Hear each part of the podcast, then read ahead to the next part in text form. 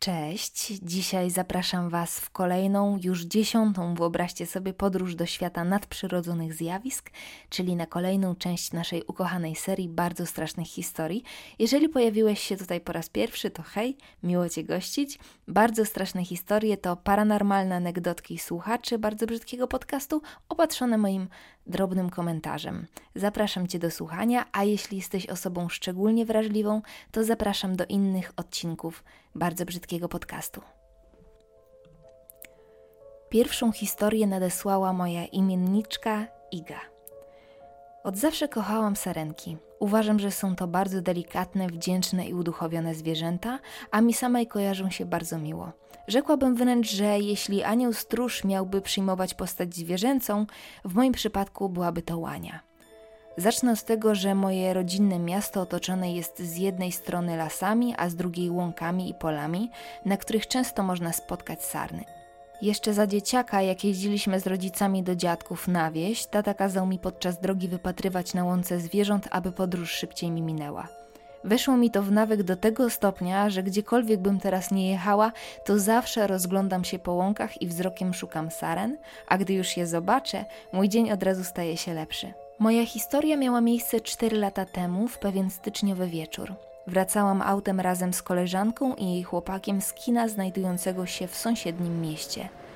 Auto prowadził chłopak koleżanki. Za nami jechał drugi samochód, w którym znajdowała się pozostała część naszych znajomych wracających z seansu. Był wieczór, szarówka, ale na tyle jasno, abym mogła oddać się mojemu ulubionemu zajęciu, czyli wypatrywaniu saren. Kluczową rolę ma tu padający deszcz, który przez ujemną temperaturę od razu zamarzał na szosie. Będąc już około 5 km od miasta, a więc bardzo blisko, wpadliśmy w poślizg. Kolega nie zdążył zapanować nad autem i robiąc fikołka wylądowaliśmy na dachu w rowie. Nigdy nie wierzyłam w powiedzenie, że w kilka sekund całe życie może przelecieć przed oczami, ale tak właśnie było. W ciągu ułamka sekundy zobaczyłam wszystko i wszystkich, którzy przewinęli się przez 22 lata mojego życia. Byłam pewna, że to moje ostatnie chwile. Nie jestem w stanie powiedzieć, co wtedy czułam. Nie pamiętam nic od momentu, kiedy nas zniosło, do momentu, gdy cała nasza trójka wygramoliła się z dachującego pojazdu. Znajomi z drugiego auta od razu zadzwonili po pomoc. Na szczęście oprócz kilku zadrapań nikomu z nas nic nie było, ale tu właśnie pojawia się ten tajemniczy element. Wychodząc ze wspomnianego wcześniej rowu, zauważyłam, jak z łąki w stronę lasu wybiegły trzy sarny, które zaraz po tym, jak znalazły się po drugiej stronie szosy, gdzieś znikły. Być może między drzewami w lesie, być może rozpłynęły się w powietrzu. Jestem niemalże przekonana, że nie widziałam ich wcześniej na palanie. Niestety z nadmiaru emocji nie spytałam znajomych, czy to tylko moje zwidy, czy też zauważyli zwierzęta przebiegające przez drogę. Pamiętam, że łanie były trzy. Tyle, ile nas w dachującym samochodzie. Przypadek? Być może. Ale chcę wierzyć, że to był znak od naszego anioła stróża i od Boga, że to jeszcze nie nasz czas. Dostaliśmy drugą szansę, żeby cieszyć się każdym dniem. Jejku, jak dobrze, że ta cała historia zakończyła się takim happy endem. Um, kurde, przepraszam, teraz trochę przyfasolę po tej magicznej opowieści, ale czy wam też nie skojarzyła się z Harrym Potterem? Bo Harry Potter miał patronusa, prawda, który wyglądał jak jeleń. E, sorry, tak mi się skojarzyło. A że Harry'ego Pottera uwielbiam, to i twoja historia, Iga, strasznie śmiesznie zwracać się do kogoś swoim imieniem, rzadko mi się to zdarza. Twoja historia też szczególnie przypadła mi do gustu. Mm, jestem obecnie w domu rodzinnym. I mm, oprócz tego, że mm, w moim domu rodzinnym dzieją się różne dziwne rzeczy, to mieszkamy przy lesie i dzisiaj planuję spacer właśnie do niego. Być może też spotka mnie coś niezwykłego, kto wie. Kolejna wiadomość należy do Julii. Historia, którą opowiem, przydarzyła się mojej prababci, która mieszka wspólnie ze mną i moimi rodzicami na jednym podwórku w domu obok. Na tym samym podwórku, za domem babci, mamy ogrodzoną siatką małą część podwórka. Babcia kiedyś hodowała tam kaczki. W środku za ogrodzeniem stoi szopka, w której babcia trzyma swoje drewno na opał, różne rzeczy do pielęgnacji ogródka i tym podobne rzeczy. Pewnego dnia babcia wyszła do szopki po drewno. Z jej opowiadania wynikało, że był to późny wieczór, na dworze było już prawie ciemno. Babcia, spiesząc się przed zmrokiem, wzięła koszyk i ruszyła do szopki. Zapakowała kilka drewienek i wróciła w stronę domu. Kiedy była już przed bramą od wejścia, zobaczyła wysokiego mężczyznę ubranego na czarno. Opowiadała, że miał na sobie kapelusz i czarne gumowce.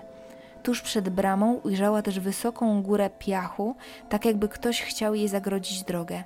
Babcia zamarła. Nie ruszając się, czekała na rozwój wydarzeń.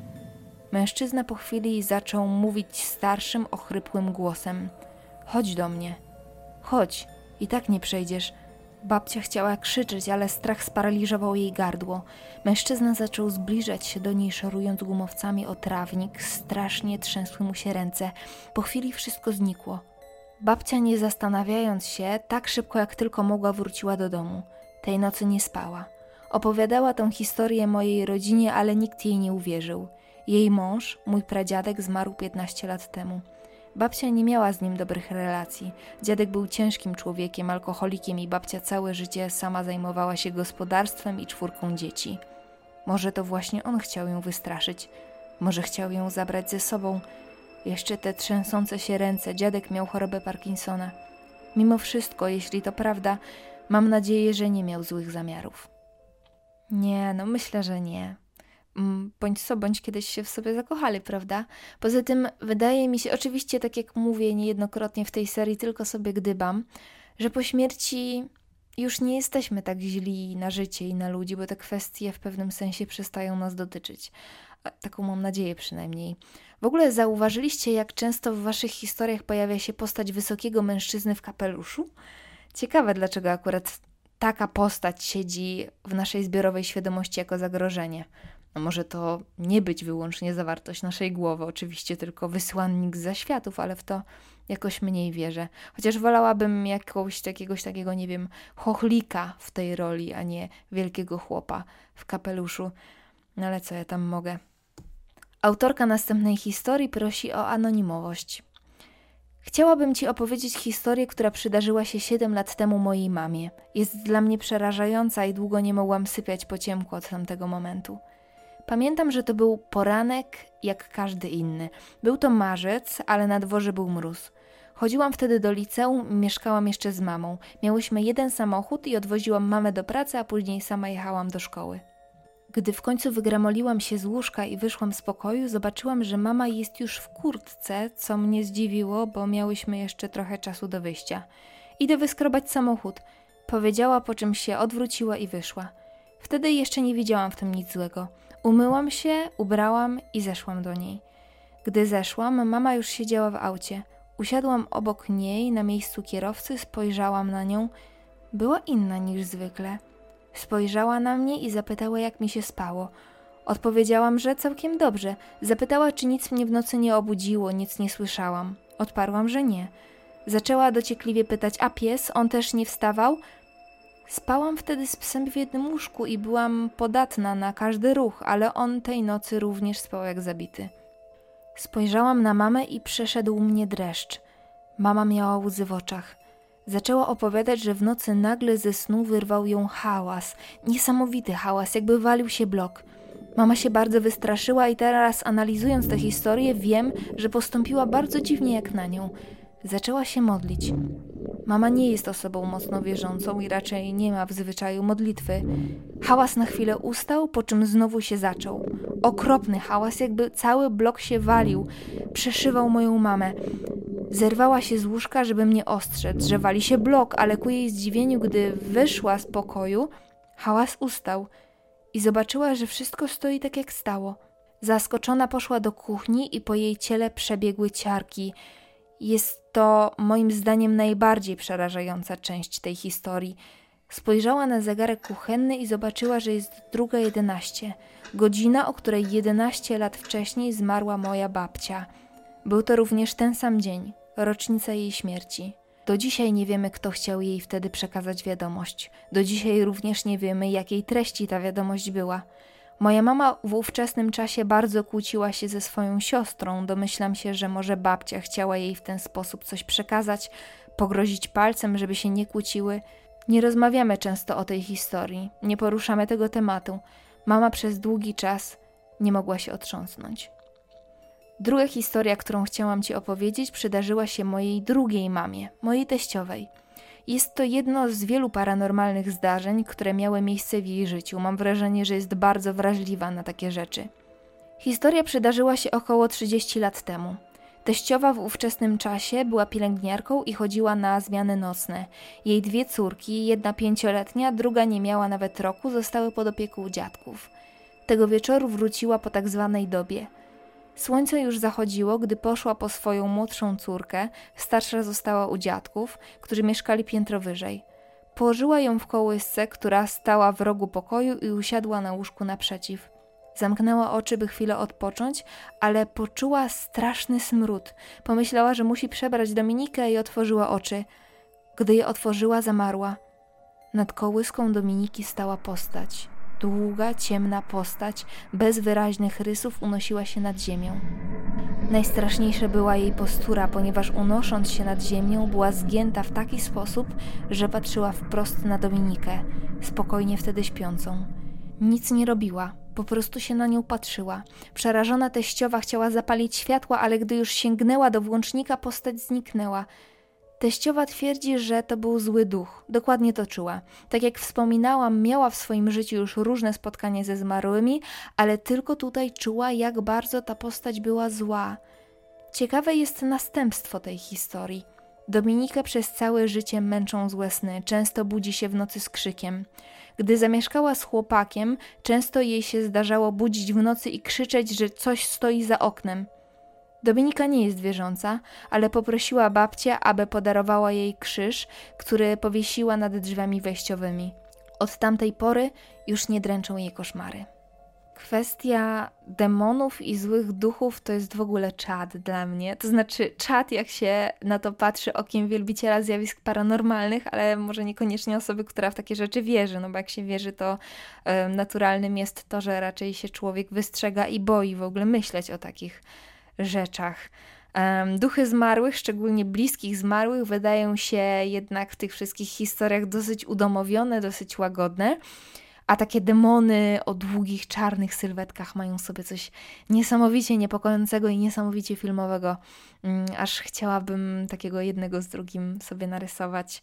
Chyba to w ogóle zrobię po nagraniu tego odcinka. No dobrze, a teraz już ostatni mail, również anonimowy. Opiszę Ci historię mojego dziadka, ale żeby każdy ze słuchaczy zrozumiał o co chodzi, niezbędny jest wstęp. Historia wydarzyła się jakieś 2-3 lata temu w zachodnim krańcu Puszczy Kampinowskiej.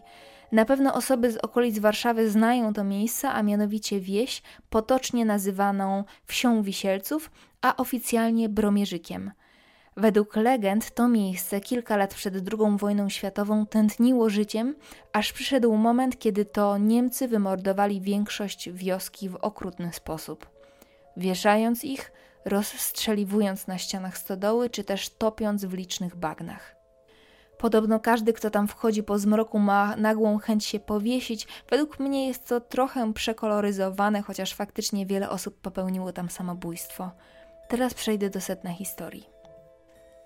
Moi dziadkowie mieszkają jakieś 10 kilometrów od tego miejsca. Historia ta wydarzyła się latem, kiedy dziadek jeździł pomagać moim rodzicom budować dom. Był późny wieczór, a dziadek zmęczony wracał na rowerze leśną dróżką nieopodal tej opuszczonej wsi. Była to najszybsza droga do ich domu, chociaż zważając na legendy głoszone przez ich sąsiadów, dziadek zwykle wracał drogą asfaltową. W lesie panował półmrok, jedynie ostatnie promienie zachodzącego słońca przebijały przez konary drzew. Dziadek, który jest bardzo odważnym mężczyzną, nie bał się niczego, a jednak w tym miejscu odczuwał niepokój. Tego wieczoru poczuł, że powietrze robi się nadzwyczaj gęste. W lesie było bardzo parno. Nagle na żwirowo-kamiennej drodze dziadek poczuł, że rower się zatrzymuje.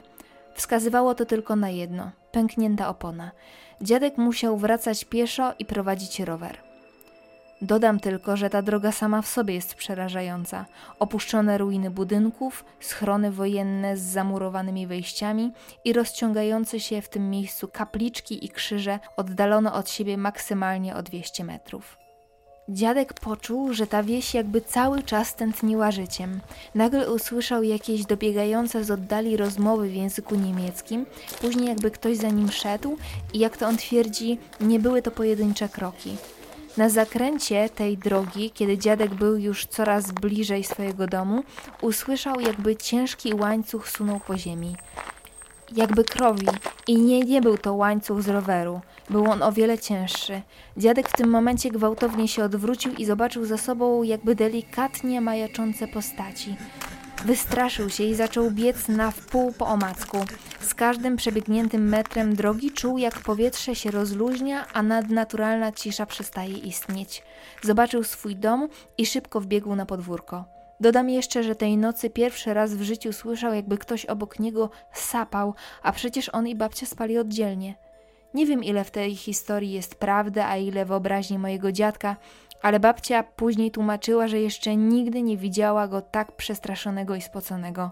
Wiem tylko jedno, że dziadek za żadne skarby świata nie przejedzie tą drogą nigdy więcej. Tak naprawdę jak większość mieszkańców mojego miasta. Hmm, o Bromierzyku oglądałam jakiś czas temu urbexowy filmik. Jak chcecie, to wam go podlinkuję pod tym słuchowiskiem tutaj na YouTubie. E, zawsze jak słyszę historie, w których ktoś nagle ulega wrażeniu, że dzieje się dookoła niego bardzo dużo, pomimo tego, że nie dzieje się nic, e, to nie mogę uciec od skojarzeń z jakąś taką równoległą czasoprzestrzenią, w której właśnie teraz te wszystkie nieszczęścia się odbywają. Mm, a może po prostu są to echa tamtego momentu.